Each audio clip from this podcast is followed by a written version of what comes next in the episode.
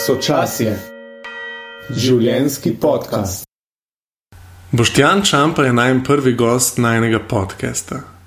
Kot diploman tehnične fakultete ga je kasneje pot zanesla v terapevtske vode, kjer je upravil tudi doktorat. Z njim se pogovarjava o njegovi zelo zanimivi in neobičajni poti raziskovanja samega sebe. Dotaknemo se njegove rasti ob mentorjih v podjetju, v skupini za moške in kasneje v partnerstvu ter terapevtskem izobraževanju. Govorimo o tem, kaj pomeni biti pravi moški, kakšne odgovore na to nam daje družba in kako lahko posamezno pridemo do tega, kaj je naša pot. Pogovor, kljub temi vezani na moško naravo, skušamo spreminjati stereotipe ob moških. Vabljen, vabljena k poslušanju. En uh, lep pozdrav, Boštjan, uh, Matej. Živijo. In še drugi Matej, to sem jaz. Uh, danes pilotno uh, tukaj odkrivamo uh, sočasno veliko aspektov življenja. Za začenši pa smo si rekli, tri je moški, kaj je moškost. Um, bomo danes temu posvetili. Boštjan, ko te pogledam, si rečem, za ta bo mora biti ena tako bogata pot, pa čistko za začetek, če bi lahko malo več povedal, kaj se je tam že vse zgodilo, kakšno pot si prehodil, da dobimo en občutek, iz kje je vse ta tvoja modrost, znanje. Ok, zdaj smo tako že naložili, ne imamo modrost pa znanje. Um, ne pa hvala. Deva, kje, kje bi začela? Um, jaz bi mogoče čist, biti imaš v mislih te mejnike, ki so bili v življenju, ali pa kje, kje sem se učil. Oziroma, jaz bi tako rekel, kateri so bili moji učitelji v življenju. Ne? Um, prvi učitelji so bili knjige. V bistvu, bral sem, zelo veliko sem bral, pa sem bil še ne vem. Se spomnim, sem bil pet let star, sem bral doktor Romane so bili takrat ne mali. Zdaj se vem, zakaj sem terapeut, ker sem že takrat bral čtiva, ki so bila mogoče malo zgodne za tisto obdobje. Um, Popolno se mi je najbolj dotaknil nekje, um, ko sem začel delati v gospodarstvu. Nekje, tako sem mislil, 24 let, ko sem v bistvu prišel v res tako dobro delovno okolje. Um, ker je bilo veliko enega sočutja, pa empatije in to gospodarstvo, tako naklonjenosti, skrbi. In bi bil čisto en drug pogled, ker sem ga jaz mogoče prej doživel iz medijev. Sorry, no, kaj ti skačem, ja. da lahko kaj rečeš, mislim, čistko v kjeri stroki si pa delal, kaj, ja. mislim, tako z kjerega področja prehajaš. Ja. Jaz sem, uh, osnovno sem konstrukter strojništva, je bila moja izobrazba. Wow. Ja, sem celo delal doktorat, sem bil že precej daleč na doktoratu. Za, strojništvo, sem raziskoval poslovne procese, pa v prehrambeni industriji, predvsem.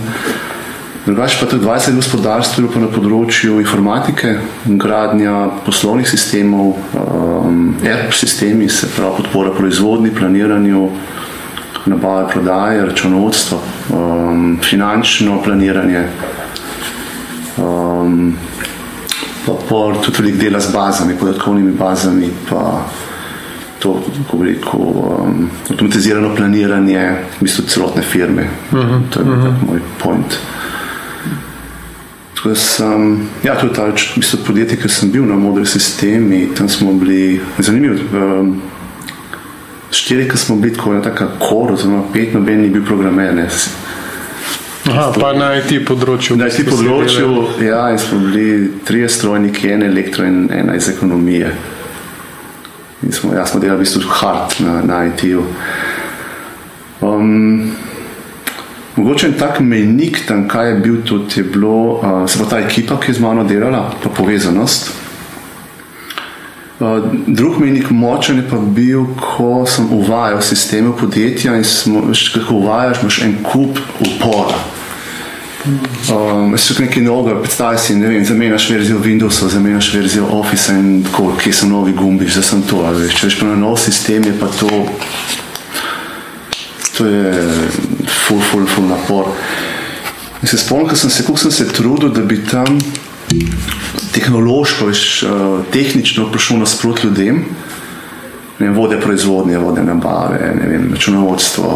Um, in polk sem začel študirati psihoterapijo usporedno, to je bilo 2-7. Je tako, da bi odkril nov svet. Da pravzaprav sploh ni težava v tehniki, ampak pravzaprav je bilo, da jaz, sprav, ko smo uvajali, nismo, nismo se slišali. Veš, nisem videl, da so ljudje na drugi strani, da je tam nekdo, ki ima ravno ravn tako ene stiske že odprej, ali da, že, da že tako zaseden in pošlje s enimi idejami, z novim sistemom. In sem samo hotel to uvesti, brez da bi, brez da bi pripravljen bil slišati, kakšna je njihova zgodba. Um, ko sem tako dojel med predavanji, no, na, za, med študijem, ko sem začel na ta način, da sem najprej lahko ljudi ne preslišal, veš, ko sem prišel tja, da sem videl, kakšen je njihov svet, potem lahko še nekaj novega uvajaš. Se mi zdi, da je podobno tudi v našem terapevtskem svetu, ne pridemo sploh videti, kje smo, boljše lahko neke spremembe delamo. Um, se so res spremenili. Ko smo postali partnerji, če smo prej bili, vem, dobavitelj, smo pol z, s temi firmami, smo postali, s temi ljudmi smo postali partnerji, smo postali skupaj, smo stvari delali, smo jih uvajali. To je tudi tako, ful, ful, velik menik. No. Da ni nujno vedno tako v financah, pa v tehniki, pa ne teh grobih pristopih, ampak je lahko človek človek. Ampak, ok, kaj pa se more zgoditi v življenju, da konstruktor strojništva začne se ukvarjati z psihoterapijo? Pa ne to, da gre na ja. terapijo osebno, ampak tako, da ga to področje zanima, da bi torej drugim prišel naproti. Ja, ok, tukaj. Um, Tukaj so tudi osebni izzivi, bili, ja, v partnerstvu. In, um, moram reči, da tukaj pač ženski svet me je zelo povabil v, v, v te odnose, hote, ne hote. Ne, Kako sem že mogoče se prej izrazil programersko, ne if-den, če pač potem bo to. Ne, nekako tukaj ni špila, tukaj se reče, tukaj je fazi logik, mohit sem, res ne. In potem sem se pač pustil povabiti, um, najprej pač malo branje, pol po študiji. Se zgodi, zgodi se čisto slučajno, iskreno ta uh, prvi stop v terapevtsko uh, študij psihoterapije se je bolj zgodil um, po slučaju. Mm. Uh, da sem stopil, ja, da sem šel poslušati predavanja in ko sem prvič poslušal ta predavanja, Um, Predvsem, ok, to je to. Sem fuz začutil, da je nekaj mojega. In potem sem hodil en let, v bistvu čistko, mm, volontersko, kot sem sprejel no, na, tukaj na teološki, kot gostečnik, Katarina Erzarjeva. Sem jih sprejel, da lahko hodim, da lahko poslušam. Uh, in potem sem bil, po bil bolj in bolj noter. Potem sem seveda pač ja naredil nekaj diferencialnih in šel na študij. Hmm. Naprej. Kje pa, kje pa je ta, um, ta te knjige, ki si jih že zgodaj bral? Je to v bistvu ena zgodba, ki si tle spet uživela, da si v bistvu najdel to um, inženirsko pot vmes, ali kako da si vmes postal inženir, kako ne vprašam, ja. ali najprej jajce ali najprej kokoš. Nekaj sem se odločil za študij, ne, to je bilo moče bolj inercija, ne, ker pač v tem okolju, ko sem živel, okoli Ribenca, okolica Ribenca, ne, je bilo pač eh, metalna industrija pač najmočnejša v tem obdobju. In tudi moj oče je v bistvu strojnik. Ne. Hmm. Se mi zdi, to je pač nekaj tako sledenje, sledenje kaj, kaj je moškost, kaj je moško. In sem sledil temu. Uh, ampak v meni, ker že sem se odločil za srednjo šolo, sem razmišljal med gimnazijo, pa srednjo šolo, sem pa med tehnično šolo, ampak takrat je pač veljal princip, če, da pač moraš narediti tehnično šolo, da imaš poklic. Uh, na fakultetu sem pa tudi bil v taki dilemi, ali bi šel ekonomijo, ali bi šel informatiko, ali bi šel slavistiko, ali bi šel filozofijo, ali pač na koncu sem poslal na strojništvo. Uh, bolj kot ne slučajno, ker je pač um, bil v bistvu zadnji zaden možen upis na fakulteto, bi šel odprt na strojništvo, ker sem pozabil se enostavno upisati na fakulteto. In potem sem pač. Uh, bil sem tam informativno dnevu na strojni, vedel sem, kje to je. Zadnje minute so bile, oziroma zadnji dan je bil pisan, sem pa se upisal, sem komu že kasneje se pripisal, pa sem pa zaključil. Hmm. Tako da nekako bolj, bolj slučajno. No. Okay. Um, kaj je tisti blok, ki je pol, ko si že bil torej nek terapeut, začel že neko prakso, stažist, ne vem, tako mm. Čisto. Kaj je bilo tisto, kar te je pritegnilo, da si začel raziskovati bolj v to smer, torej ta moški svet, da jim reč? Okay. Mm. Okay, zdaj, prvi stiki so bili, ker sem delal na projektu, oziroma sem sodeloval na projektu nasilja. Uh mhm. -huh. In ker sem moški, nisem veliko delal žrtve, nisem delal več storilci. Okay. In sem takrat dobil ta prvi stik, kaj pomeni biti v bistvu storilc nasilja. Sem začutil, da me preseneča, da ti moški niso ok, ne za vsi, ampak da tisti, ki se je zgodil, moče ne enkrat, pač da je ušlo, ne, da večina so to v bistvu zelo senzitivni. Moški, ki niso znali zregulirati, oziroma imajo en model sabo, ki ni bil funkcionalen, regulacija čustev. Drugače je tako, nekaj, kar se je dal pogovarjati, se je dal v bistvu to ujeti, se je dal v bistvu spremeniti. Ne. Sem čutil, da sem pa sebi tako presenečen, da sem imel en čist drug pogled na moške, moče boste ga poslovnega sveta, ker le v poslovnem svetu je, je ta hierarhija zelo pomembna, kljub sodelovanosti, ampak smo nekje moški po hierarhiji, tukaj je bilo pa sodelovanje, tukaj je bilo pa soraziskovanje. In mi je nekako bolj in bolj vlekel ta, ta, ta svet, da bi soraziskoval v končni fazi tudi sebe.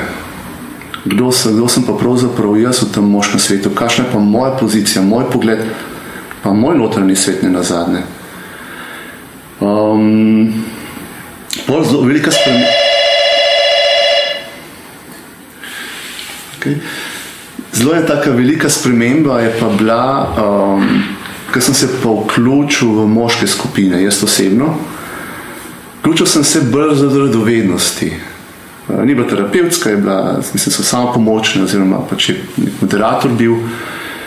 Um, čeprav je zanimivo, prej sem že par let sam razmišljal o tem, so so kolegi že želeli ustanoviti moške skupine, pa ni bilo zanimanja, to je bilo kaj 2014, 2015. In je bilo tako individualno, ja, skupina, to še ni bilo takrat. Jaz mislim, da sem se vključil 2017, 2018 in mi je bilo tako zanimivo, ker sem doživel, pa mogoče kar prvič v življenju varno, stabilen, se varen, stabilen pogovor o težkih, globokih temah na zelo strukturiran način. Um, ko smo rabili zelo razmisliti, kaj bomo povedali, um, kar smo podelili, smo vedeli, da je v prostoru, da smo odgovorni za to, kar povemo, in da bodo drugi v bistvu dan tudi dali en odziv.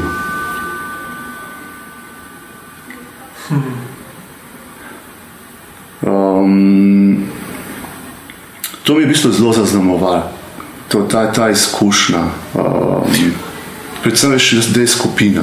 Ker pej, okay, ne vem, pej smo šli na pijačo, smo šli vem, na šport, smo nekaj skupaj počeli, smo bili v poslu skupaj. Ja, smo bili na zabavi, ja, pa smo ne vem, chill out imeli, kako karkoli. Ampak to je bil pa varen prostor, kjer si lahko govoril le, o svojih tistih stvarih, ki se še sam pri sebi nis, nisem se upal, oziroma si nisem upal pogovarjati sam s sabo. Ne. In potem mi da drugi moški en tak pristen odziv. Kaj pa bi bil, recimo, en primer take teme, mislim, tako čisto za predstavo? Mene je bila, recimo, takrat zelo aktualna za me, um, kaj jaz v resnici želim izkusiti v svojem življenju. Ta lastna izkušnja, ne nekaj, kar je kulturološko pogojeno, ne kar je nekaj, kar se je pričakovanja, ja, bi so upravičena staršev ali pa ne moj partnerke takrat. Ali, uh, okolica, ampak sem si rekel, ampak kaj resnic bistvu je tisto, kar če če stališča minljivosti, prav stališča minljivosti, katero experience, katero izkušnjo želim povabiti svoje življenje. To pomeni, na kakšen način sem jaz v odnosi, je to moja odgovornost. Da, če želim biti prijazen, če želim prijazne odnose, da sem jaz prijazen. Če želim imeti odnose, ki so varni, da jaz nudim varnost če želim bistvu delati v enem poklicu, ki se čutim polnega, da je na meni, da si tak poklic ustvarjam ali da grem, da si ga najdem. Skratka, mogoče iz te pozicije flowa, bolj v pozicijo, da sem, sem lahko imel več nadzora. Pa predvsem ne gre za ta kontrolo strahu, ampak to, da so mi ti moški pomagali, da sem začel čutiti, mogoče reči, to poslanstvo, pa vizijo. No? Če mi to prisluha beseda, je bolj gre za občutek. Če rečem vsak dan zjutraj, ko se zbudim, se vprašam s tem občutkom, jaz želim ta dan preživeti. Plus, minus. Ali je to mogoče radovednost, ali je danes mogoče igrivost, ali je danes mogoče tako, ok, imamo pa malo globje, da si mehko že naravnan. To, to sem recimo dobil. Tako sem pa takrat tudi začutil, da mi to fulno vdušil, ta, ta moški princip in sem pa se usmeril, da sem rekel, ok, jaz bi pa to želel še poglobiti, pa odprt mislim, te moške skupine v terapevtskem prostoru. Se pravi, tam je bilo natančno zastavljeno, da je pač vsak moški vodil enkrat, pa tudi različne vloge smo imeli. Sem pa želel dati en prostor, kjer bi se udeleženci sprostili in da nekdo vod. Se pravi, da oni samo so, da je prostor poln za njih. In sva pol takrat um, s terapeutom Sergejem, um, kot so tako fulso sodelovali, no, tudi ogromno, ogromno prispevo zraven, so sestavljali prvo skupino, mislim, da je bilo 2019, 2018, 2019 in sva so vodila. In tako, ravno zdaj še pišem magisterij, ravno še zaključujem na, na, na to temo. Raziskala smo to delo takrat. Um, In je bilo za me navdihujoče, ker so si moški pustili raziskovati, so si pustili uh, povedati teme drug drugemu. A veš, čist, recimo, ne vem, kako, kako je biti kot oče, veš, koliko enih stisk imaš vmes. Z medijev se zelo pričakuje en perfekcionizem, pa kaj se more biti. Ej, v resnici, ki si jata, mislim, to je ful naporen. Što je iz minute v minuto, se isto tudi skozi, za mame, se isto. Posebej po moški si še razpet med službo, si razpet med finančnim svetom, si razpet, kako usklajevati čas, s sami tremi, recimo, ne, služba, partnerka, družina. In so se iskreno podelili te stvari in so ugotovili, da niso sami. In tudi so si podelili rešitve oziroma načine, s katerimi so lahko, če rečemo temu, izboljšali, nadgradili to, kar, kar, kar, Kaže. In sem tudi jaz zase, sem se, jaz sem zase veliko vzel. In tudi vsako skupino, zdaj, ki jo imamo naprej, jaz, jaz, jaz postajam drugačen za vsako skupino in tudi tako, tudi tudi povem, no, da vsaka skupina da material in da nekaj za naslednjo skupino, ki, ki jo jaz vodim. Se pravi, vse te skupine, ki so bile do zdaj, s katerimi sem bil jaz možnost, da smo delali, že tu delajo za naslednjo, za naslednjo skupino, ki bojo dobili še nekaj več, še drugače. To mogoče, no, to je tak, taka smer. Uh, Polka mi še zaznamovanje, definitivno yoga, um, pa aikido, se pravi, kaj je bilo to 2002 leta, ko sem delal v IT-ju, je bilo zelo naporno obdobje, se je res veliko delal, uh, veliko se je sedel z računalniki, tudi včasih tudi po 15-16 ur, pač ki je bil projekt. In takratni moj sodelovec, ki je bil še nadrejen, ja, pa smo postali sodelovci, je bil Aikido učitelj Ivan in me povabil v Aikido svet. Um, in sem se učil, tako sem prvič doživel, da kaj pomeni fokus, kaj pomeni biti fokusiran, um, kaj pomeni se umiriti. Jaz se spomnim, ko sem tam sedel dve minute, premier, me se, me se je mešal, me se je mešal, dve minute, premier sedeti in več početi, brez da bi telo premaknil, meni je bilo noro naporno. To je bilo, na začetku smo pač imeli umirjanje pred treningom. Ne. Um, tudi potem fokus držati, smisel na telo fokus držati. Nisem vedel, kje so moje roke, noge, mislim tako, nekam, kar sem dal z roko, to je pač približen, ja, pri sebi sem občutil, da sem natančen, ko sem resnici šel z roko, to je nekam kar šlo. Ne dihanje, mislim, mislim, da diham v redu, ne, se sem pač bil iz, iz kmetije, ne, sem rekel, okay, se jaz diham, ne, sem gotovo, da diham čisto zgore z rameni, ne, kakšno tribušno dihanje. Tako da, tako v obdobju 2-2 sem se pošel vključil v jogo, ki je bilo v istem studiu, uh, pa Robertu, uh, Honu, in me povabil pa v en svet, ki um, je bil takrat zelo fizičen, v smislu raztegniti mišice, eni položaji. Nisem to je bilo za me joga, bila najhujša telovada do takrat. Ne.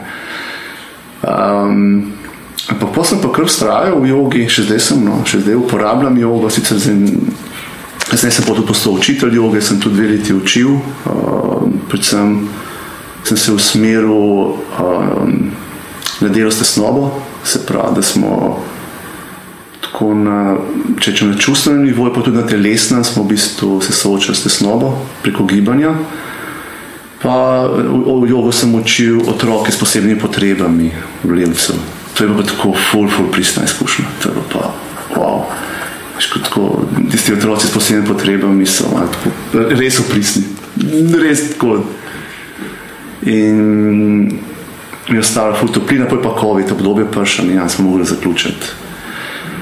Tako da zaznamovala me še yoga, ja, ker sem, sem zelo lahko povezal študij psihoterapije z konceptom teološke fakultete, v smislu tudi um, duhovnosti in potem tudi koncepti joge, da, um,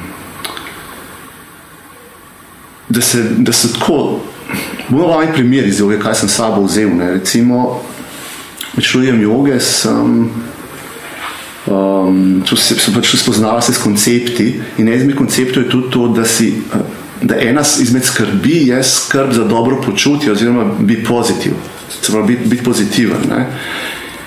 In to me je ful presenetilo, ker recimo, da je to prav dolžnost, da širim pozitivnost na vzven.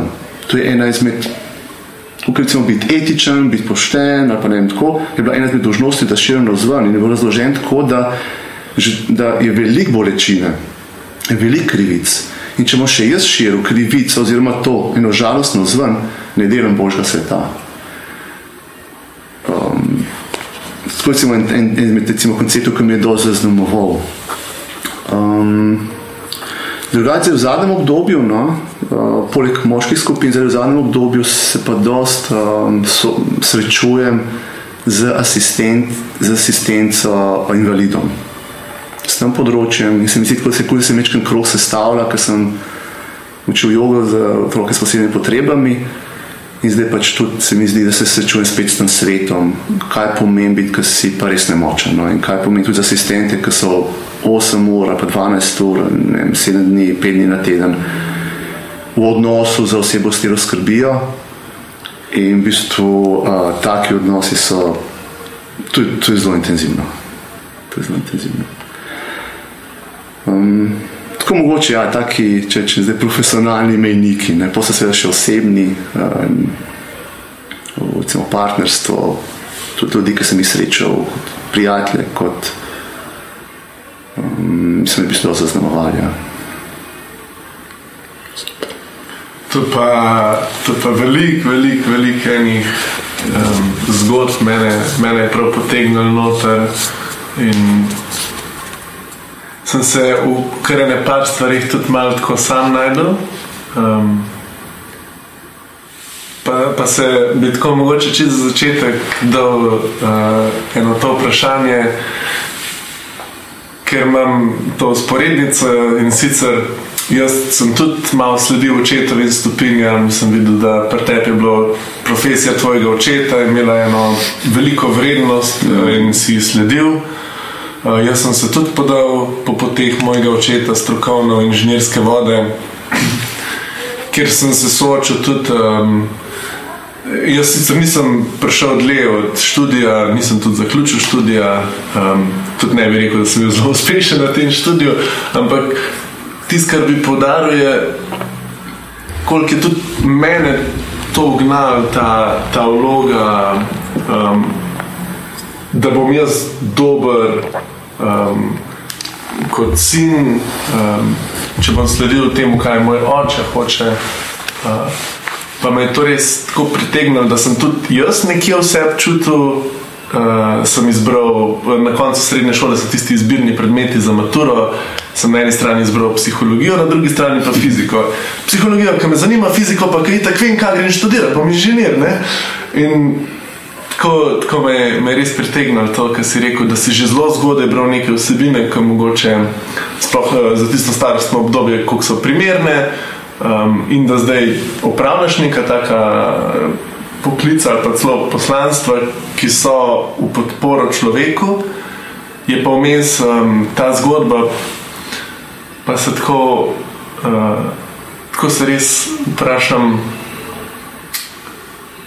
Kako je ta neka potrditev, da si, da si dosti dober, in, in tudi je ta kategorizacija in naravoslovja, in, in tega inženirstva kot moškega, um, danes tako, in mogoče predvsem iz preteklosti prihaja, pa se danes mogoče ni manj pomembna, ampak vseeno nosi to vrednost. Ne? Se tudi na študiju strojništva ali pa gradbeništva, kjer sem jaz bil, um, so bile ženske redkost. Um, ja, kje je zdaj vprašanje? Uh, to sem se malo zgubil, ampak sem, to sem želel podeliti. Ja, ampak mogoče tako, vse se mi zdi, da si dal dobro izhodišče. Boštjan, ti, ki imaš veliko, če že ne drugega, tudi veliko uh, stikov z različnimi moškimi, z različnimi ozadji. Tako, a se da potegniti po tvojem kakšno uh, sporednico ali pa neko uh, primerjavo, kaj pravzaprav so po tvojem zate izzivi sodobnega moškega ali pa kaj sploh je moško danes? Ker pač svet, vemo, se spremenja in pričakovanja in družbe, kot si že omenil na eni strani, in mogoče tudi nas samih do sebe. Uh, ampak kje pol se znajde ta moški? A se da tako mm. potegniti, mogoče ven kakšne ključne poudarke? Mm. Jaz bi mogoče začel z, ja, ta, z moškostjo, bi mogoče kar začel, pa bo še pošiljne okay. izzive naprej. Ne? Mm. Mo, moškost je.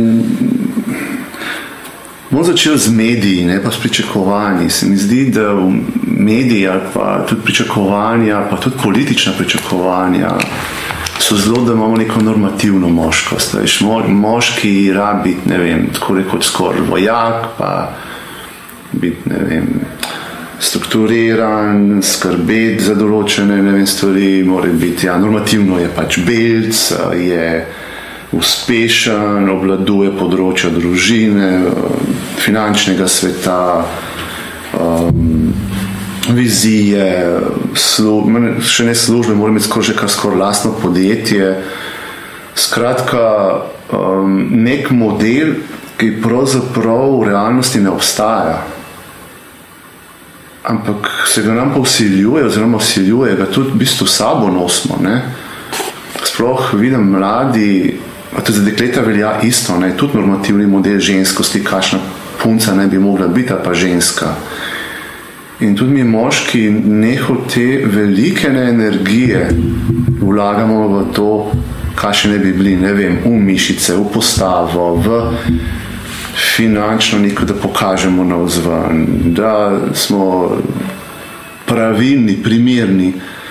Ogromno, ogromno energije. Ampak moče, moj pogled, pa tudi nekaj, kar to je več raziskoval, pa je, da tako ženskost kot tudi moškost, bolj se otočil na moškost, je nekaj zelo pogojena z časom, se pravi obdobje, v katerem živimo zdaj. Um, potem je pogojena z makro in mikro okoljem. Povedal primer, recimo moškost, recimo, če rečemo enega 18-letnika, ki hodi v srednjo šolo, ali pa definicija moškosti enega 70-letnika, ki mogoče zdaj le vem, živi na eni kmetiji, ali pa mogoče ja, tak, v tretjem življenjskem obdobju definicija moškosti in pogleda, kaj je moškost, čist kontra. Je zelo, zelo drugačen. Dokaj je mlad, v 18 letih, v bistvu še zelo išče ženski svet, se še sestavlja, zelo v bistvu vidi kaj mediji ponujajo, kaj so pričakovanja staršev, kaj je pričakovanje družbe, sošolcev, sošolk in tako naprej. In se lahko zelo visoke pričakovanja do sebe, v smislu biti v redu, v redu šoli, športnik. Um, Ja, da zna vem, se javno izpostavljati, da zna vsake situacije odreagirati, mislim, to so nora pričakovanja. Mislim, tako, v resnici pa, resnici pa veliko enega trpljenja, vse pa stiske. Po drugi strani, ne vem, neko 70-letnik načeloma je že vse pomirjen in ve, da je pač pravzaprav je tako, kot je. Ne? Mislim, kaj za te moško star pa ne, mislim, koga to briga. Ne? On je, v bistvu on ve, da življenje pravzaprav če se ena druga zgodba, ne, ne pa zdaj, da sem malo tak, pa malo drugačen moški. Ne? V bistvu ena notranja drža je, mogoče se ena načela, ali pa mogoče to sem prej govoril. Um, kaj meni šteje kot osebi, mislim kot moškemu, kaj, kaj je meni pomemben in temu posledim. Prav to čisto banalnih stvari, v smislu, vem, da imam vrt, ki mi je v bistvu pomembna stvar, da imam tudi partnerko, ki mi je pomembna stvar in skrbim za njo, no, za me. Do čist mogoče enih načel, da se držim enih konceptov v smislu, kaj je v redu, kaj je prav, Uh, čutimo, je čist, čist en drug koncept moškosti. Um, Polje je v bistvu um, tudi zelo pogojeno s tem, recimo, okay, ja, od izobrazbe do v bistvu, um, lokacije, ki živimo. Jaz mogoče bom dal zdaj primer. Ne, k, um, Jaz sem tukaj izpostavil, da je to manipulacija, ker tukaj čisto osebno tega ne podpiram, pa vem, da se tako funkcionira, recimo, ko so razne vojne, ko se mlade fante v bistvu potegnejo v te situacije, ki v bistvu res niso primerne za njih, ker pač pravi moški se ne boriti. Ja, ampak čuvam interesov. In tukaj je mogoče čisto en tak moj oseben pogled, ampak um, smo lahko zaradi neke definicije moškosti ali pa ženskosti lahko čisten predmet manipulacije. In zlorabe, v bistvu. Zlorabe. V smislu, kaj kupujem, kakšen avto rabim, kakšne obleke rabim, kakšen mobitel moram imeti, katero znamko rabim imeti. Zdi, tukaj zelo, smo zelo ranljivi, tukaj smo ranljivi, ker resnic. Če rečem, ne želimo biti kar, kar en moški. Ne? Tukaj moški imamo vse, nek, vse to rangira, nek sem ga že prej izpostavil. Ne? Hote, ne hote in ramo kar veliko enih izkušenj, bolečih ponovadi, da ugotovimo, da rangiranja med nami ni. Da pač na koncu je človek človek in recimo, spet, ampak kontradiktorno to izpostavlja, recimo ravno vojaki. To zelo spoznajo, ker so v bistvu nekje skupaj v težkih situacijah, da oni so na koncu ena, ena, ne? ti si za me, jaz sem za te. Ne? In se mi zdi ta koncept propeljati pravzaprav v vsakdanji svet. Tako da, če uh, rečem, Mo moškost je zelo omejen, lokalno na čas uh, pojem, koncept. Ne govorimo o moškosti kot ena moškost, ampak govorimo o moškostih. Množina. Množina. Mhm. Ja, ja, ja. Se mi zdi zelo, zelo pomemben. Se mi zdi, da če še enkrat to sprejmemo, posebej lahko čisto sprostimo. Ne? Veš, nekdo je z brado, nekdo je brez, ne? nekdo ima dolge lase, nekdo ima kratke, nekdo je 1,80 m, nekdo je pač 1,60 m, nekdo ima pač BMW, nekdo ima pač ne vem, Hyundai. Ne? Sem, a to me definira kot moškega? Ne. Sploh ne. ne? Če rečem, če me moj pogled kaj pa definira kot osebo najprej, je pa lahko ena srčnost, en občutek vrednosti občutek, kaj lahko v bistvu prispevam k svetu, k odnosom, um, vse v končni fazi. Kako mi je jasna ena vizija, ali kako mi je jasna pravzaprav ena moja pot. Um, tukaj zelo moškega čutim. In moški, moški mogoče ni zdaj tu, če se na tem, pa še kako kasneje vrnemo. Ne? Kako sem, kakšen del sem v stiku s svojimi strahovi in kako z njimi delam, kako z njimi v bistvu, kaj z njimi delam. Ne? Ker moški primarno, tako, zdaj, če ne zelo preteklost, moški smo varovani, smo imeli varovalno vlogo, ne? zelo stereotipno, ampak kulturno moče pogojeno, ampak vse smo imeli neko varovalno vlogo. Ne? In da, da varuješ, te rabi strah strah je na senzorika, boj ali beg, rabiš v bistvu senzorirati, da, nek, da medved prihaja, recimo, ne? ali pa da prihajajo lovci sosednjega plemena. In v sedanjosti um, se mi zdi, da zelo veliko funkcioniramo še na neozaveščenem ne strahu, ker ne vem, da rabim imeti ogromno enega bogatstva, v bistvu mi je zelo strah. Če ga ne uporabljam, seveda v neke namene, ki doprinašajo svetu. Če to samo zame, pomeni, da mi je res hudo strah več kot se kopičam, me je strah. Več kot se nekaj varnosti delam, delam iz strahu. In tukaj je mogoče meni, če rečem kot moški, da se ustavim in se vprašam, koliko je energije, časa, potencijala svojega življenja dajem za to, da si ustvarjam eno varnost, ki je mogoče v enem delu potrebna, ampak v kakšnem delu. In tukaj moče pa do izzivov moškosti, zdaj reče v sedanji družbi, je pa, da presodim, in to se spet spreminja od obdobja do obdobja, koliko v resnici je ta moj strah smiselen v katerih situacijah, v smislu ja, glede financ, glede službe, glede partnerskega odnosa, ko se počutim varnega v, v odnosu s partnerko. Koliko imam en socialnih okrog sebe, smislu, pa se lahko naslovim na svoje prijatelje, moške prijatelje ali pa ne. In kolikšen je ta strah upravičen in kolikšen del pravzaprav izhaja iz neke preteklosti. Mogoče še iz je strah, da sem ga sabo vzel od svojega očeta, ta je vzel od svojega detka, ki izhaja še iz vojne, uh, pa še iz nekih razmer, ki so bile zelo težke. Ampak včasih še vedno reagiramo, kot da smo še ne, po drugi svetovni vojni. Uh, tukaj ne, ne bi zanikal, da ja, je smiselno res pogledati, kaj je realna situacija in kaj pa tisto, kar res prenašam svojega notranjega sveta. To mogoče je tak izziv moškosti, mogoče sem šel zelo terapevtsko v, v to smer, um, ampak sem šel mogoče en tist bazično iz iz moje perspektive. No. Ja, jaz um, se v velikih teh vprašanjih spet najdem, očitno um, govorimo o moških danes. Um, in tudi ko si res rečem, ja, kako res prenašamo doma.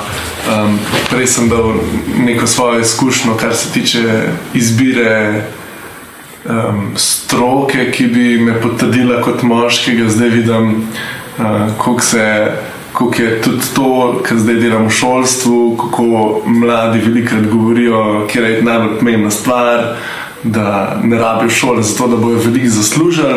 In ta velik, velik zaslužil je in manipulacija, um, ki pride do njih, ki jim da eno varnost, en občutek vrednosti.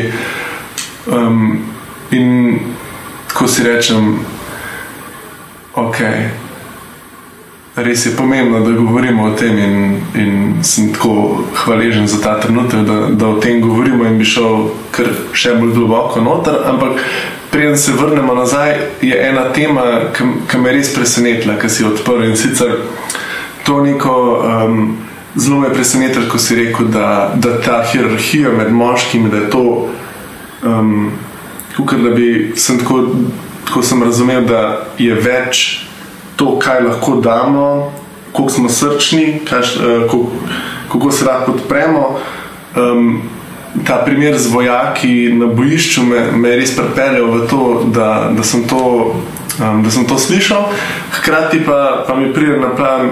Um, kako pa vse se vzpostavlja v skupinah, neke hierarhije, neke dinamike, eh, mogoče šport je en tak primer, kjer so eni pač bolj kompetentni, drugi manj, s časom lahko razvijaš te veščine, spretnosti, ampak. Um, Bi, bi želel tle dati malo več prostora, ker se mi zdi, da moškim nam je ta hierarhija, kdo je boljši, kdo je manj. Um, da se veliko s tem ukvarjamo, predvsem v zvezi z lastno vrednostjo. Ne? In se mi zdi, da um, da tle odpira, da se meni um, bi želel več slišati, bi, bi, bi želel še več tega. Tako da. Um, Se pravi, mogoče bolj primerjanje v smislu med sabo, ja. kot hierarhija. In, lahko, tudi. in tudi, um, kako je v bistvu to primerjanje z drugim, lahko v resnici neka napačna pot do lastne vrednosti. Ne? kako v bistvu mi lahko lastno vrednost najdemo brez tega primerjanja. Se mi zdi, da sploh pri odraščanju so to neke referenčne točke. Ne? Um, aha, ta je hiter, ta je bolj počasen, jaz lahko tečem približno tako hiter. Nisem najslabši, nisem najboljši, ampak tle pač sem. Ne? Ali bom kaj naredil glede tega, ali se počutim v redu, da sem tako hiter, kot sem, pa je ta hitrost lahko primerjava za različna področja. Sej tek je mogoče en tak zelo um, ilustrativen primer. Ko bi povabil še malo več razmišljanja, če lahko na to uh, oba. oba. Ne, meni, meni je Meni tukaj mogoče za štart, veš, kakšno štartno pozicijo mi prihajamo v ta svet. Recimo, zdaj, ko sem prej omenil invalide, oni imajo čisto drugo štartno pozicijo, kot recimo, ne če imam sebe, veš, ko lahko počnem tako rekoč vse. In se mi zdi tudi vsak, da, da, da pa tudi pri mladostnikih je dosti težje. Mi, man, mi manjka, da bi mnogo več govorili o tem, vse se že, se odpira ta prostor. Sem zelo hvaležen, tudi šole odpirajo ta prostor. Ampak meni bolj kot primerjava mi je bolj ustrezno, da iščem model, ki bi najbolj pasal meni, na moj karakter, na moje sposobnosti, na moje telo, na moje predispozicije, ki jih imam. In ke, če, ja, če nekdo teče hitreje, da v bistvu pogledam, kaj je tisto, kar da mu uspeva, da teče hitreje. Ali je to tehnika, ali je to močena hrana, ali je to mogoče genska predispozicija, ki je tukaj potem tukaj čutim, da, pa, da je pač tukaj ena moja omejitev. Uh, in da pogledam ta model, ki ga ima recimo nekdo, če rečemo, da je nekaj izboljšal, ok, lahko je to integriral v svoje življenje, a mi sploh paše, da bi integriral to svoje življenje. In moče tako si izpostavil športnike. Jaz velikokrat slišim, da pri športnikih ni tekma drug proti drugmu, sploh velikih športih ni, ampak je pravzaprav tekma sami s sabo in da športnik da maksimalno sebe v to, kar počne, potem pa pač nekje porangiran. Zdaj, ok, po športu pač je ta rangiranje. Okay. Ampak če rečem pa iz osebnega stališča, ne, če dam jaz polno sebe v, v, v eno stvar, je to, je to, je to, je to. Če rečem, če dam jaz polno sebe, ne vem, v eno vizijo, eno idejo, ki jo imam, ali pa ki grem delati v, v, v službo, če dam polno sebe noter, tistih 8 ur ali pa kar ur že, sem polno izživo. In tistih 8 ur ni bilo vrženih čez ramo. Vem, da tukaj nekaj drug pogled dajem na, na to primer, primerjavo, pa konkurenčnost. Oziroma, ampak, um, jaz zelo en korak stopim nazaj in rečem, kaj mi šteje. Šteje pravzaprav moje ure mojega življenja, kako polno sem jih izživel če to občutim, da imam konkurenco in se rabim bojevati drug z drugim, super, če se zaradi tega počutim, da je moje življenje bolj polno, ok. V moj, moje izkustvo je, da je veliko strahu takrat, da je veliko ogroženosti, stiskanja v želodcu, um, ni nekaj, kar bi rekel, da ravni izpolnjuje en dan polno čutek življenja. Mi je bližje model, Se pravi, da mi, mi svoj model, ki si ga izboljšal, si starejši, si vem, več razmišljal, ali pa si boljši, si hitrejši. Da mi pokaži svoj model, da še jaz lahko zase vzamem, če mi ustreza. Eni modeli pa ne ustrezajo. Recimo, ko si rekel, ne vem, si izpostavil, ja, da, do, da pridemo do enih financ, manipulacijo. Recimo, meni ta model ne ustreza. Je ena izmed možnosti, ampak pač po mojih izkušnjah se bo na dolgi rok. Um, dolgi rok se ne obrne ok, ker potem te ljudje začne prepoznavati kot nezanesljivega, tistega, s katerim ne želiš sodelovati, kar pomeni, da dolgi rok ni dobra investicija. Tukaj je mogoče, ja, glede tega hier hierarhije, je pa pač, ok, da imaš pa zdaj čist mim zgodovinskega, ne, ker se mi zdi tako slišen, vem neke glasove zadaj, ampak ja, ne, najboljši moški dobi najboljšo dekle, ne. Ne vem, kaj je definicija najboljšega dekleta, ne vem, kaj je definicija najboljšega moškega. Za, za me osebno sem samo jaz, sem samo jaz. jaz. Drugi moški, fajn, ste okrog mene, če z vami sodelujem in svoj svet si izboljšam, top, odlično. In ko srečam eno žensko, ki v bistvu stira lahko dobro sobivam, ki mi je fajn, ki se pogovarjam, ki mi, ki mi je sproščen, ki se lahko hecava, ki, je, ki se želim preživljati čas z njo, to je top ženska. In sploh ni pomemben, kako je videti, ne vem, izobrazbo, ne vem, kaj še vse se zraven pripisuje, ne vem, kakšne neke amerikanske sposobnosti bi morala imeti. To je nepomemben. Pomemben je občutek, s katerim sem jaz z njo. Isto finance. V bistvu, če lahko, če lahko živim na en način, ki meni ustreza, ne vem, ne potrebujemo nekih ogromnih ne vem, vil, pa palač. Če nekomu to izpolnjuje občutek polnosti v življenju, vrhunsko, ne sledi temu. Uh, se zelo zaprašati, kaj, men, kaj mene napolni, kaj mi da občutek polnosti, če rečem pri srcu, telesu, ker ne začer spati, rečem, wow, poln dan, ker pogledam nazaj zadnjo leto, polno leto, ampak un. Tu, če, zdaj, če, če danes, če, če srečam minljivosti, umrem, to je bilo to. In da planiram jutro, ga, ga planiram z tega vidika. Tukaj se večkrat, večkrat vračam na to bazo, ampak um, me, mene pomiri, ta baza mene pomiri. Zdaj, tako, ne pač, ko se mi, kot, tudi kot terapeuti, srečujemo na drugi strani z moškimi, ki mogoče pa ali ne razmišljajo tako, kot recimo, mm. si ti zdaj povedal, ali pa mogoče se sploh ne ukvarjajo s tem, ne, ampak se čisto enostavno znajdejo. V neki stiski, v katero jih je življenje pripeljalo, pa ne bo to ne vem, na področju partnerstva, na področju službe oziroma karijere, na področju duševnega zdravja, na splošno. Tako, kako bom rekel, sploh nekemu takemu moškemu, ki mogoče ne vidi sebe kot to, da ima v resnici mogoče to žezlo ali pa to palico samo v roki ne, in to moč. Ampak se čuti pač bolj kot neki čovn, ki ga premetava mm. sem in tja in se on sam bori, da bo preživel. In so tam ena pričakovanja, ki jih mogoče ne uspe vedno izpolniti, tudi ne samo od drugih ljudi, ampak tudi njegova lastna do sebe. Uh, in potem pač vem, se v glasi pride. In tako, jaz vem, se, se veliko krat sprašujem, ker je uh, mogoče dosti krat to prisotno, da pol doživljaš v bistvu sebe kot poraženca ali pa kot mm. tizga, ki ni dovolj dober, ne? tudi lahko ali pa da, da ne zmoreš. Ne vem, kako ti vidiš ali pa kako sploh pristopaš, kako vidiš te probleme, ki ki pa dejansko so, Sej, to so pač ljudje, s katerimi se srečujemo. Konec koncev tudi priznati, da potrebujem mogoče še neko drugo osebo, nekoga, ki mi bo mogoče pomagal razumeti, da to ni sam poraz, ampak da je lahko tudi nek, to ena nova pot za me v življenju. Ne? Ne vem, če mm. mogoče lahko še kaj na to temo. Mm. Ne, to situacijo, ki si opisal, ja. Um, se mi zdi, ravno samo eno predavanje o motivaciji prejšnji teden. Ne, in ko smo, smo v diskusiji razvili, smo zelo gotovi, da motivacija brez enega odnosa ne funkcionira. Ne, su, neki suha, nekaj, kar. Kar rečem, potisnem stisko. Pa jaz sem zdaj začel z, drug, z drugega konca, ampak tudi uh, stiska, veš, takrat, ko smo,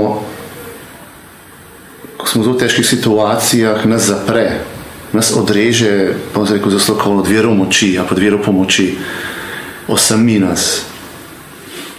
Ne bo to finančna stiska, ne bo to nek občutek poraženosti, ne vem, ali poklicno, ali včasih kot oče, kot partner. Nas zelo, zelo, zelo potisne na vznoter, nas, nas obrne. Um, pa ne tako, da bi bili v stiku s sabo, ampak kot, kot, da, kot da je samo še brezu pokrok nas, kot da ni, ni možnosti, da je karkoli možno spremeniti, ni potencijalov.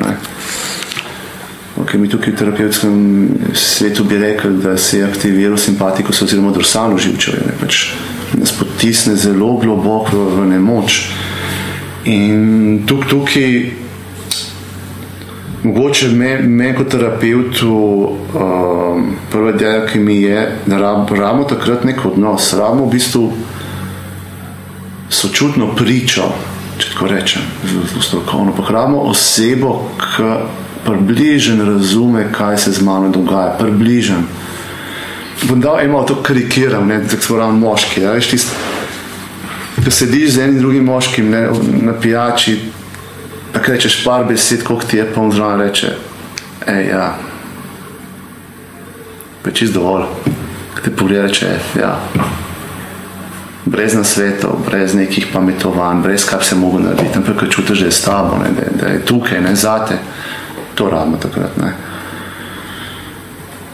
Zdaj, okay, recimo, če ima moški partner, če to zmore, ja, ampak doskrat je tudi partnerka v težki situaciji, ne cela družina v težki situaciji, tudi njo je strah. Ne. In bi tukaj, jaz bi šel tukaj, da, da, da takrat nekdo, en od nas, da je na voljo, da si, da si takrat moški, pa ni, pom, se lahko je prečal pomoč to, ampak meni se zdi pa tu čist nekaj naravnega, ker se vsi se znajdemo v tej situaciji, pa ne enkrat, večkrat v življenju, tedensko včasih, ne, ok, idemo če tako globok, globok pa se mi zdi, kako smo že zavarovani ali pa ne, ampak to je zelo relativno, zakaj pa mi je nekoga težko, ampak se znajdemo. In da takrat je en pogled, da je ena oseba, da je tam enih par minut, ki me potegne, sem potegne ven, ker se lahko, veš, kot da bi imel baza, tako da, da bi se lahko naslonil na to, ok, nisem sam, nisem sam, zdaj pa lahko naprej razmišljam. Idealno je, da imamo to že vse, iz enega rečeva, iz prejšnjih odnosov. Tudi to, to, to je, da se spomnimo, da, da so ljudje okrog nas, da, sem, da smo že se lahko na nje oprli.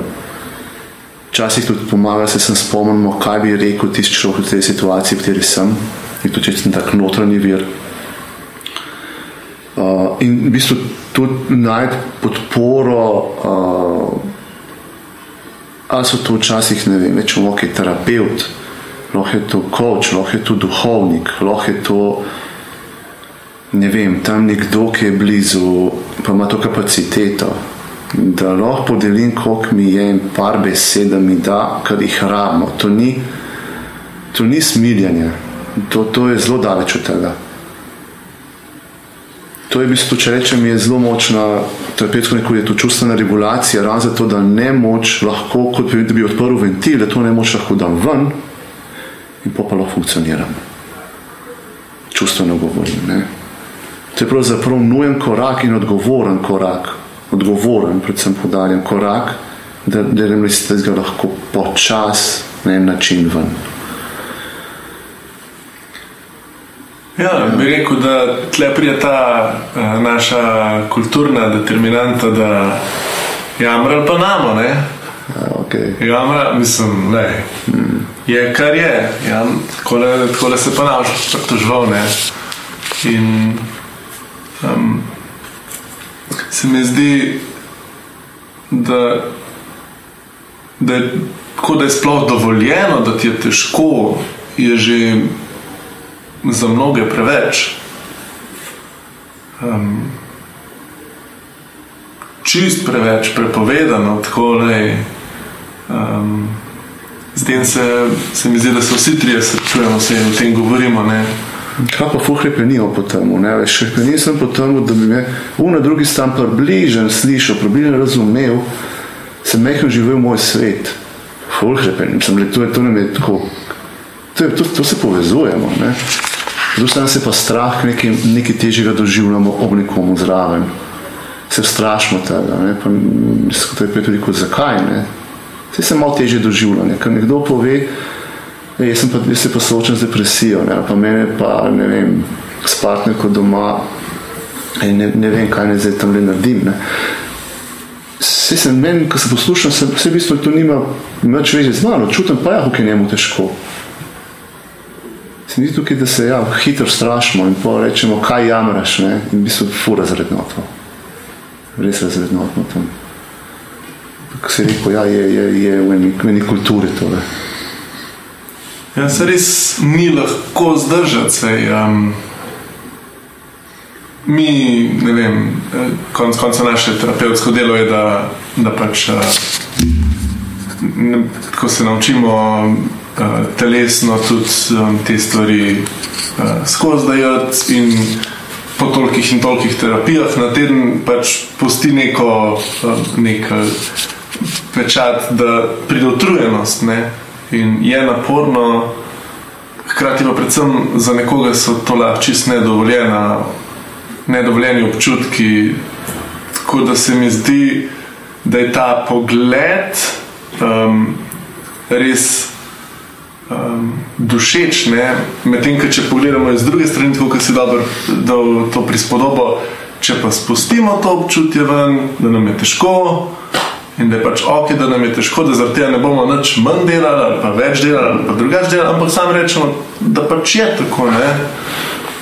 Da, pa, da je tako skoraj težko verjeti, da, da nam bo pomagal, hkrati pa mi vemo, da je efekt na tem, da z nekom podeliš, da si dovoliš dati to ven. Um, se mi zdi, da da je to en, en, en, ena, tako, kar bi, bi obrnil zrcalo, da v bistvu nisi šibek, kvečemo obratno, da si dovoliš biti šibek, je ena moč v danem trenutku. Mm. Pa bi ga oba povabil, da, da še malo raz, razširimo to misel.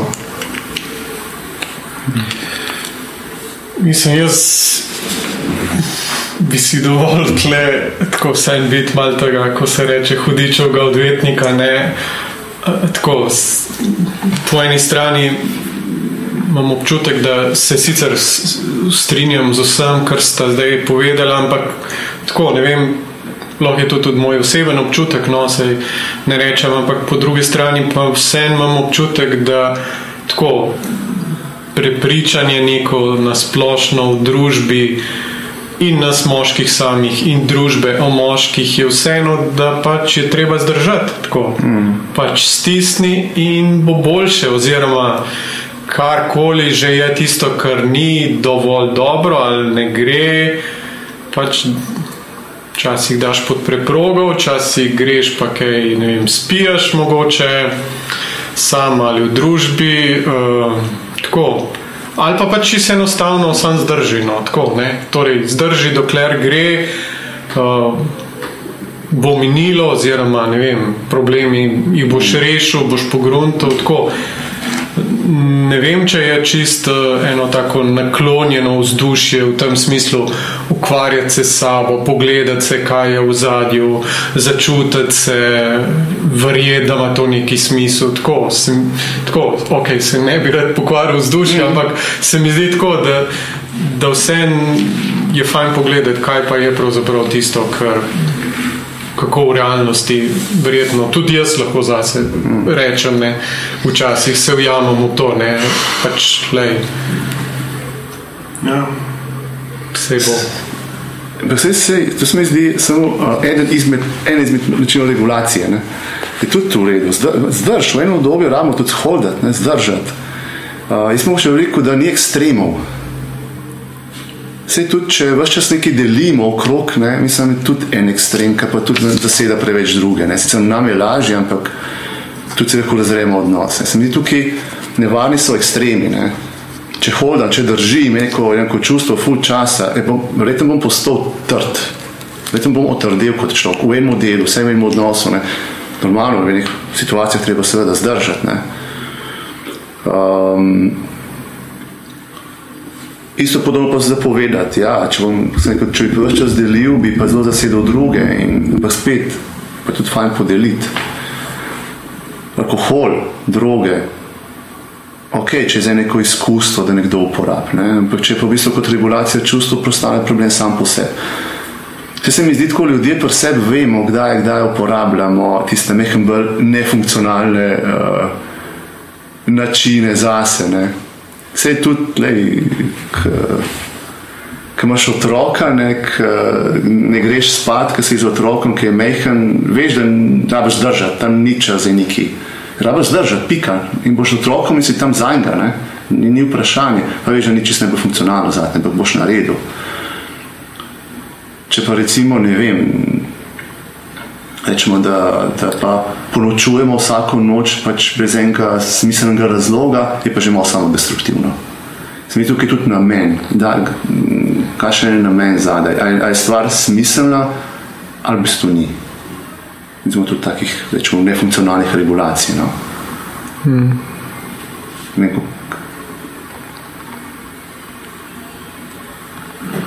Ja, um, včasih se mi zdi, da so lahko ti načini, kako se sprostimo, še vedno v sklopu nekega tega avtopilota, kaj se vse pričakuje od nas.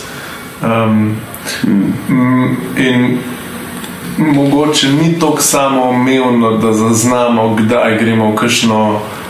V kakšne stvari, ki nas pomirijo, zato da nas pomirijo, ker imamo stisko, kdaj pa gremo zato, ker se pač gre, kdaj pa gremo zato, ker se pričakuje od nas, kdaj pa, um, kdaj pa ne vem, eh, recimo en dan pride klapa k tebi, pa pač so razposajeni, pa ti nisi, pa slediš zato, ker je pač tako. Pa, mislim, da je to en scenarij, kjer v resnici ne vemo točno, kaj počnemo, ampak pač počnemo zato, ker se to pač tisti trenutek počne.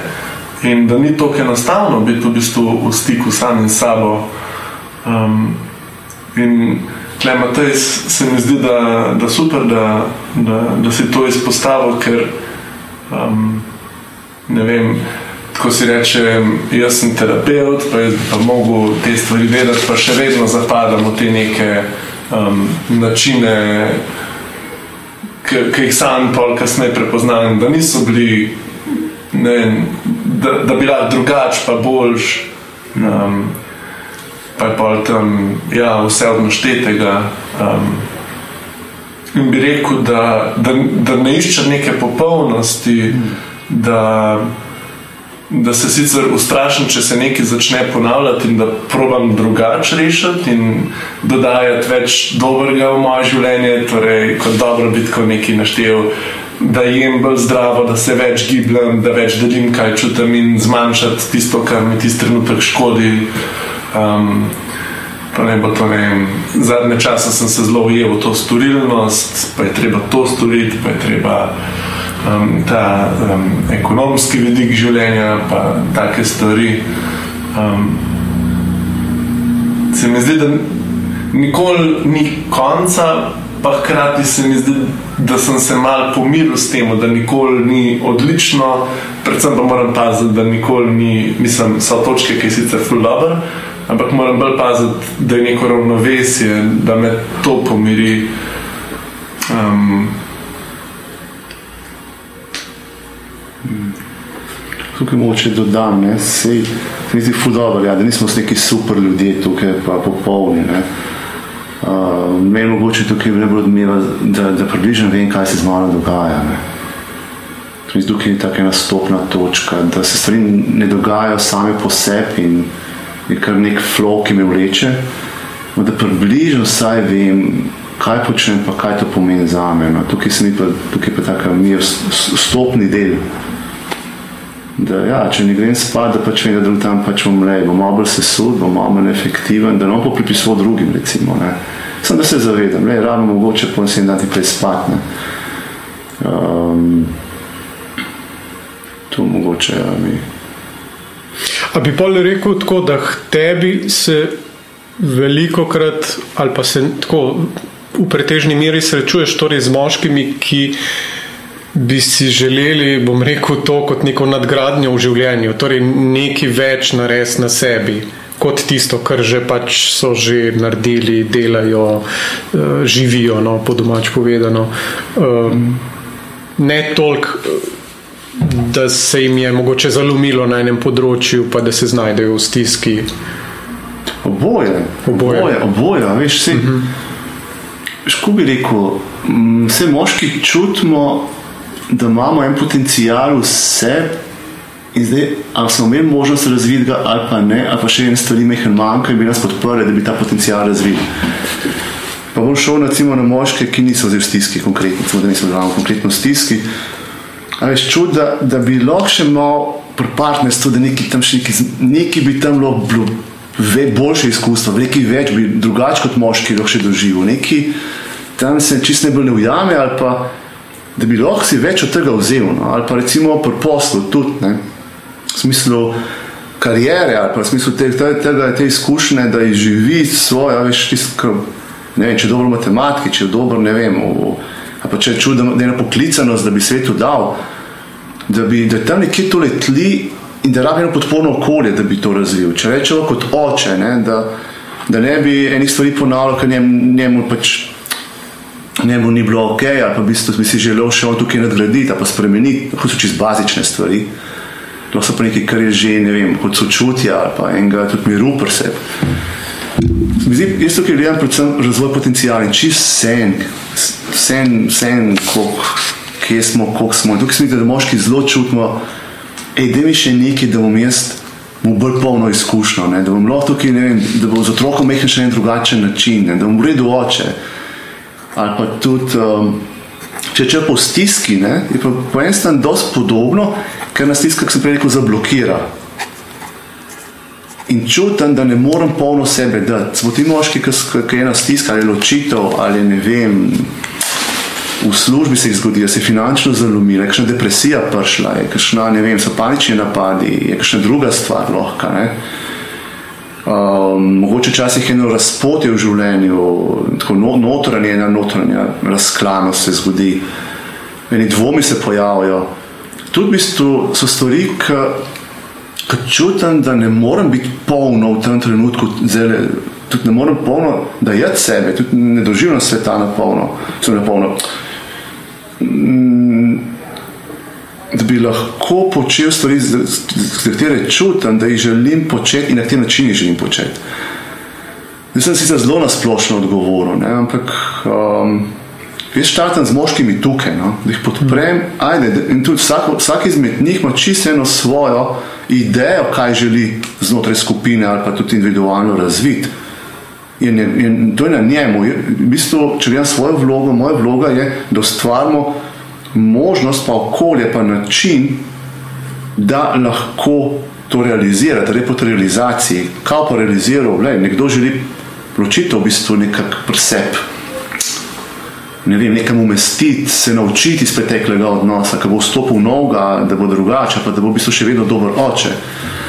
Uh, nekdo želi pravzaprav mogoče športne dosežke izboljšati, kot smo prej rekli, želi postati v bistvu še bolj napolno športnik. En v bistvu želi se z, depresijo soočati, nekdo se želi finančno v bistvu mnogo bolj uspeti. Tukaj je tako, nekdo recimo ne vem, želi biti boljši, boljši partner. Ja, v partnerstvu na polno, na polno biti noter. Jaz rečem, da si polastnin odnosa, da si polastnin življenja. Um, Tako da tukaj jaz čutim moške, da ki se vključijo in imajo tako le stvar, da so en velik korak naredili, če, če bi se vam uporabil, samo realizacija. Sej, kaj to pomeni? Ja, da bolj, da bolj polno čutim svoj, svoj dan. To. Mm -hmm. Ok, wow. Um, Veliko. Veliko, ja, veliko um, velik realiziranega, skupno, re, skupna realizacija tega pogovora. Uh, jaz le se tako, ker se naš pogovor pomika počasi proti koncu, um, sem, se mi zdi, da je zelo težko se odločiti zase, ker je ta, um, to, kar moški mora, velikokrat usmerjeno v to, kaj moški mora za druge. Um, tudi, ne vem, če moš dobro zgledati, če to recimo en tak velelnik je. Um, A je to zato, da se boš ti dobro počutil, ali je to zato, da boš pravi moški? Tako se mi zdi. V očeh drugih. Ja, v očeh drugih. In kje je sploh ta meja, ki gledaš sebe v gledalo, da si zadost. In jaz na tej svoji poti lahko rečem, da v bistvu mi je kar težko si dovoliti biti radoveden z vprašanjem, kaj sploh jaz hočem, kdo sploh sem jaz.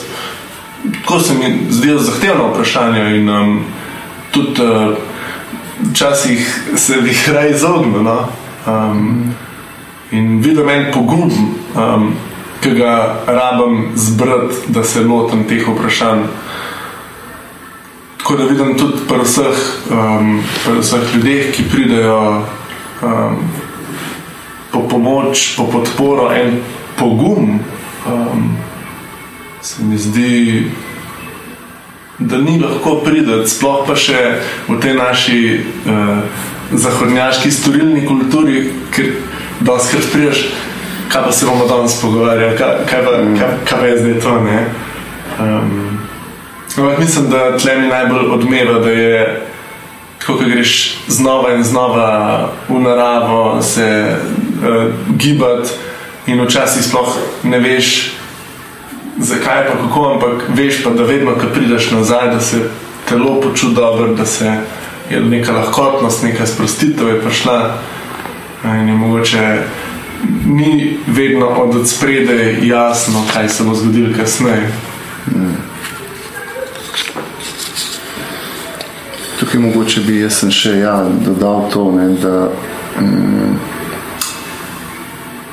da ni več pogum pride, ta pa tudi pogum se nekaj soči, da pa nekaj naredi, ni pogum odsotno strahu, ne, ampak je to, veš, da, me, da me je strah in da sem v stiku s strahom, ga poslušam, kaj mi govori in vsem pač pa to naredim. To je pogum. Recimo, jaz sem tudi uh, vodna skupina za socialno fobijo ne, in ti ljudje je res strah, ker pridejo tja, ampak pridejo in to je pogum. Še pa tudi, ko pride nekdo po pomoč, pa ne vem. Pa želim, če hkrati še en korak naredimo, ker nas je strah in pogum je, ker nas je strah in vsem ta korak delamo. Tukaj smo moške, se mi zdi, občudujem, so kakšne očete ali pa nekdo, ki čuti ki čuti, v bistvu, koliko, kolik, um, kaj se tvega, oziroma ima tudi ne skrbi, pa vsem v bistvu gre naprej, vsem v bistvu to dela. In tukaj je ja, spoštovanje do tega poguma. Tudi potem, ja, vključitev pomoč, si posebej pomaga, tudi z te perspektive. Hmm. Super, se mi zdi to mogoče ena taka res misel, ki dobro zaobjame no, to, kar smo govorili, res da kaj je pravzaprav pravi pogum, da je v bistvu soočanje s strahom, kot razumem, ne, ne pa pač odsotnost strahu, pa noč čutiti, ne, pa sam direkt naprej tu neko nevarnost, ne, da bi vedel, kaj sploh tam je. Uh, zdaj, če za konec uh, bi te vprašala, oziroma postavil še čist par takih kratkih vprašanj, ki bi jih želela vsem gostom, tako mogoče, da še en, uh, še en drug vidik dobimo. Tako me zanima uh, konkretno, v zadnjem času si prebral kakšno knjigo, ki te je tako zelo recimo nagovorila ali pa ti je ustajal v spominu bi jo izpostavil? Um, zdaj sem bral Debbie Ford, uh, Overcoming Self-Sabotage, um, ki zelo nagovarja sram. To, tam je v bistvu celo zdaj taka ena knjiga v zadnjem obdobju. Um, pa od Vanderkolka. Um, kako je zdaj že naslov, se ne sem šel, je zelo všel, ampak tudi na temo, v bistvu travma, povezava travma. Pa, ta njegova najbolj znana. Ja, Body Keeps the Score. Ja, Body Keeps the Score. Uh -huh, okay. tole, tole sem se končno le, le spravo brati. Um, Ta je klasika. Je. Ja, um, drugač pa zdaj nisem. Zdaj, v obdobju, pa tako lepo sloje, pa zdaj nisem bral, da če moja uh, passion je science fiction. Wow. To je moj passion, science fiction je moja. Kakšni tako priljubljeni avtori ali pa bolj teme? Um, ne, sem da, sem, da je neko, neko zrenje v prihodnost, pa nekaj izven. Uh -huh, uh -huh. Iskreno, zdaj je avtorjev, ok, štoprski vodnik je klasika, recimo. Uh, to je taka, taka klasika, lahko rečem. Um, jaz sem pa zdaj bolj poslušal od Tine Košir, jaz sem poslušal. Um, ki, govor, ki v bistvu je vodila, oziroma je brala pesmi in literaturo od Lele, Leila, iz, iz, iz, iz um, Kašmirja in je to funa govorila. No. Um, Mogoče uh, kakšen film ali pa serija, ki ti je nagovorila. Uh, huh. Ker že čas nisem kaj tajnega gledal. Um,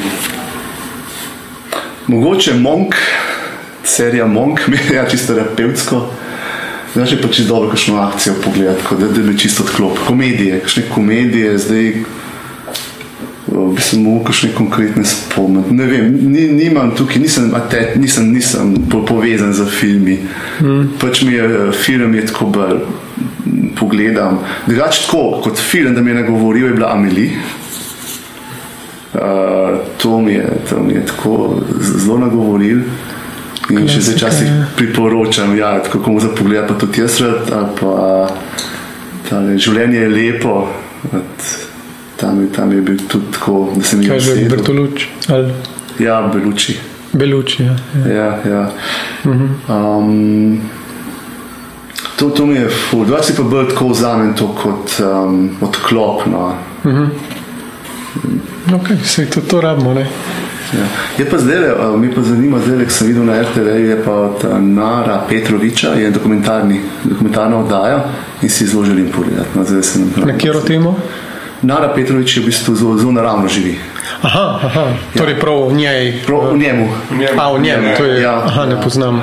Ja, zelo, tok, zelo naravno živim, se, uh -huh. se prav vesel, ko sem videl. To, to recimo mi je pa. Ok, super. Mislim, da je taka dodana vrednost. Ja. Jaz ga, jaz ga v bistvu poznam. A res? Ja, um, biva, mislim, da še na sončnem griču. Uh, to je ta skupnost v Istri, če bi tako rekel. Um, Bosono, tako zelo v stiku uh, um, z naravo, tuhta, kako živeti najbolj enostavno z naravo, od uh, agrofitnesa, recimo, uh, kjer mišice vse uporabljamo, ko delamo na vrtu. Ja, ja, ja. to je top shit. Ja. Hkrati zelo svetovljen, no? tako zelo. Um. Okay. Veš, kaj sem te mislil še vprašati? Tako, a imaš, uh, ko si prej govoril, kad, tako, kaj vse te je nagovorilo, pa kaj uh, ti je pomembno? Tako, a imaš kakšen tako, tipičen obred, kako začneš dan, recimo prvi dve uri, ko vstaneš? Da, ne mislim zdaj, kako si umivaš zobe, pa tako, ampak uh, čistko, če imaš nekaj, kar ti je tako zelo pomembno, da zjutraj začneš dan na tak način. Da, tako prej si že omenil, kako uh, ne vem, je bilo to še, ko smo že snemali ali še prej. Ampak, ja, ja. če lahko še nastaviš. Tukaj sem se smejal zato, ne, ker um, stane precej zgodaj. Ne, ne da bi hotel, ampak uh, to je bilo moje otroštvo iz kmetije, ki smo stali tam petih, pol šestih zjutraj. Strašno sem po en stvar hvaležen, ker res ujamem sonce zjutraj tukaj. Uh, in sem zelo jutranji človek. Kar pomeni zjutraj, ja, sem če nekaj vstanem, kaj sem šestih, po šestih, po sedmih, tukaj se nekaj gibljem. No? Uh, brez alarma se zbudim, kadar hočem spat, upam, da ob desetih, če gre čas, ali ob enajstih, se ne izide. Uh, moj ritual, moj se malo razlikuje po zim, pa polet. Ne? Če rečem zdaj, res pomlad, pa polet je, da prva stvar je, ko pridem, ja, da, da grem na vrt, bos. Če tako v pižami, ja, veš, grem na vrt, ne, tako svoj vrt, pogledati moje grmovje, pa drevesa, pa to me fulno dihuje, ne vem, da mi da mi energijo. Ne, tako, ne rekel se vam pogovarjam z njimi, ampak skoraj imam nek dialog. Ne, ker, Wow, ne, zdaj je nek nov cvet, ne, pa, pa kar nekaj že raste gor, ne, in pol jesen, to, kar že nekaj, jesen pač to jem, ne, moj zajtrk je pol, da hodim okrog in jem tiste, tudi v bistvu po, polet, se tiste jagode in češnje in jabolka z vrta, pa tudi z, prav vrt. Uh, pol mi je pa ritual, da skušam narediti vsaj nekaj zase, no? Zdaj, ali, ali iz čigonga, ali iz joge, ali iz, vem, iz bodywork, smislu, boksarska vreča, to je nujen pripomoček, tukaj vsakemu moško priporočam. Da, tako, da da malo ven, ne malo zakvihtati, malo čutiti mišice. Um, to določeno obdobje si vzamem za nekaj deset minut zjutraj, da pišem, či zase, kako sem, kaj moče ene stvari, da odložim na, na papir. Pišem z nalivno pero, imam to, sem se prav vzel, sem šel v osnovni šoli, ne računalnik, ampak to ta feeling. Um, to, pa pogledam maile že, pa sem pa že kar noter, pa sem pa, ok, všeč mi je še to, ja, da zdaj je spoh polet, uh, si načeloma naredim, oziroma si narediva džus, uh, nek tak zeleni, nekaj zelo zdravega, ni vedno okusno. Recimo zelo zregrada, ne, zeleni sok, res ni to. Smuti bolj? Ne, ne, zeleni sok, to je samo prav iztisneš spolža, kot rečeš, prav sok iz, iz, izcediš in pol zraven nekaj jabolka moraš izcediti, kot drugače, pa, pa ingver. In to pač mi je fudover, se sedem na klopce, tako staro klopco, šumno, po mojem stara enih 70 ali 80 let, veš, ko že malo razmejana in proti sončnemu vzhodu in pač tisti, tisti, tisti je moj moment, pa za mojega mačka. Je mačka starega, da je 15 let, da je tako džomba in on tam pod, ko mi ni prekoraka in zdaj, ok, zdaj si lepo čas za me, ne. To po zime pa pač brez tega zunanjega rituala, pa pač noter.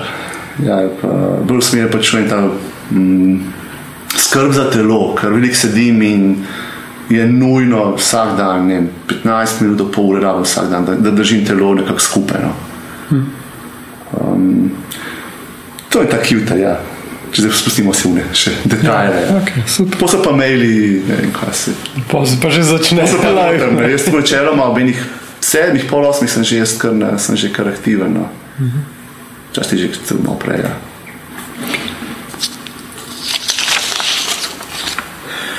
Uh, ja, če za konec tako bi še te vprašal, se ti zdi tako, da smo kaj spustili, kar bi želel še reči, ali kakšna stvar, ki mogoče Ja. dodati. Mogoče bi zaključil z eno hvaležnostjo do, do vseh, pa zdaj učiteljev, ne vem, je prava beseda, ampak vsi tisti, ki veš, ki sem se imel možnost učiti ob njih, da sem to, kar sem, oziroma da zdaj lahko tudi moče dajem, kar dajem. To čutim od staršev, sestre v začetku do pol, ne vem, v šoli, ko so me ljudje spremljali, učitelji so zelo pomembni tukaj do pol profesorjev, do ne, učitelja Aikida, joge in tako naprej, do profesorjev na naši fakulteti. Zdaj se pač na socialnem delu, tudi če nekaj študiram.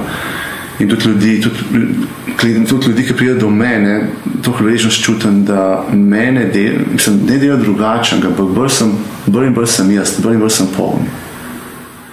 Se mi zdi tudi čas- včasih, da pozabimo, da ni samo umevno, da pridejo eni ljudje naše življenje, pa da jih podelijo. Tudi če so, to- tudi če so za to plačani ni, ni to čisto naravno, ni čisto samoumevno. Mm -hmm. To je za en tak zaključek. Okay. Super. Uh, prav, čist za konc, za konc bi te samo vprašal tako, čist informativno, kje lahko ljudje te poiščejo, kje je najboljše, če bi želeli stik s tabo vzpostaviti na kakšen način, če mogoče malo Uh, reklame narediš za sebe. lahko, ja, ok. Google, Boštjan Čampa, hudoterapevtska pomoč, um, zdaj za skupine, za individualne, ali za coaching, lahko tudi za poslovni coaching, lahko v bistvu čisto za terapevtsko pomoč, partnersko, individualno. Imaš svojo spletno stran, kjer Imam svojo se da- spletno stran, terapevtska pomoč. Ok, vse to bomo dali v pombe spodaj, tako da da bodo ja, lahko hvala. ljudje po, poiskali, če bojo želeli še kaj več zvedeti tudi o teh eh, projektih, s katerimi se ukvarjaš ali pa s katero koli obliko pomoči. Ja. Prav, bi Ja. še ti. Hvala. Hvala. Hvala vam, tudi za to, da smo rekli tole diskusijo, oziroma da ste mi dali možnost. Ker tudi jaz, ki sem govoril, sem jaz razmišljal, ene stvari pa vse realiziral tudi lahko. Super. Vse dobro.